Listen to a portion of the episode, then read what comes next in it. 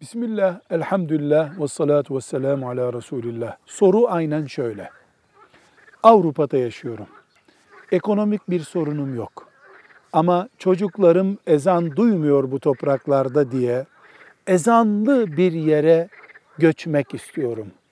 Buna hicret denebilir ve ben bundan dolayı ashab-ı kiramın hicretten sevap kazandığı gibi sevap kazanabilir miyim? Böyle soruyor. Biz de diyoruz ki eğer bu değilse hicret nedir hicret? Velhamdülillahi Rabbil Alemin.